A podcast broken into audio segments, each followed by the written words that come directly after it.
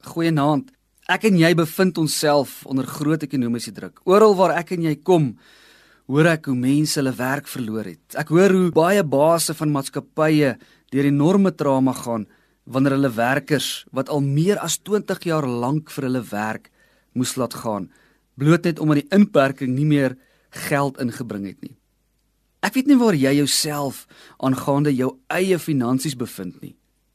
Is jy dalk ook iemand wat gebuk gaan onder die druk van die ekonomie?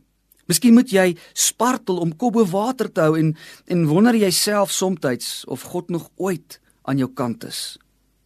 En wanneer ons na die agtergrond van die lesers van die 1 Petrus brief kyk, dan dan sien ons dat hulle ook baie groot druk van die regering van die dag beleef het.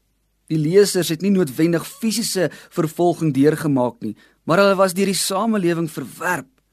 Hulle het onwelkom gevoel selfs in hulle eie stad.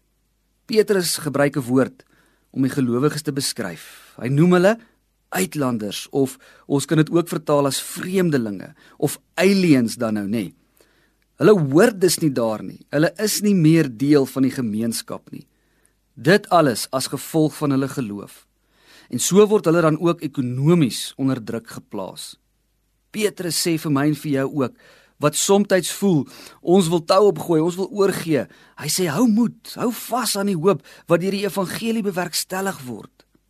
Jy sien in vers 2 van 1 Petrus 1 kom Petrus en hy praat sommer in een sin van die drie eenheid. In een sin vertel hy vir ons van God wat ons al gekies het nog voor ons hom geken het en van Jesus wat deur sy kruisdood ons weer in 'n verhouding met God gebring het en die Heilige Gees wat ons oortuig van hierdie dinge en ons konstant kom herinner aan al die genade en al die liefde wat van God afkom. Ek het eendag die mooiste prentjie in 'n tydskrif gesien. Dit was 'n prentjie van 'n olifantjie wat in water geval het. Die hele olifantjie is onder water en dit lyk asof hy gaan verdrink. Maar as jy mooi kyk, dan sien jy daar 'n klein deeltjie van sy van die olifantjie se slurp wat so bo die water uitsteek. Dis ook al wat hierdie olifantjie nodig het om nog asem te kan haal. Ek en jy bevind ons ook soms onder die water. Maar daar is 'n God wat ons slurpies net net bo die water hou en dit is genoeg vir ons om te oorleef. Petrus sê vir my en vir jou, hou moed liewe uitlander, liewe alien, hou vas, hou vas in jou geloof.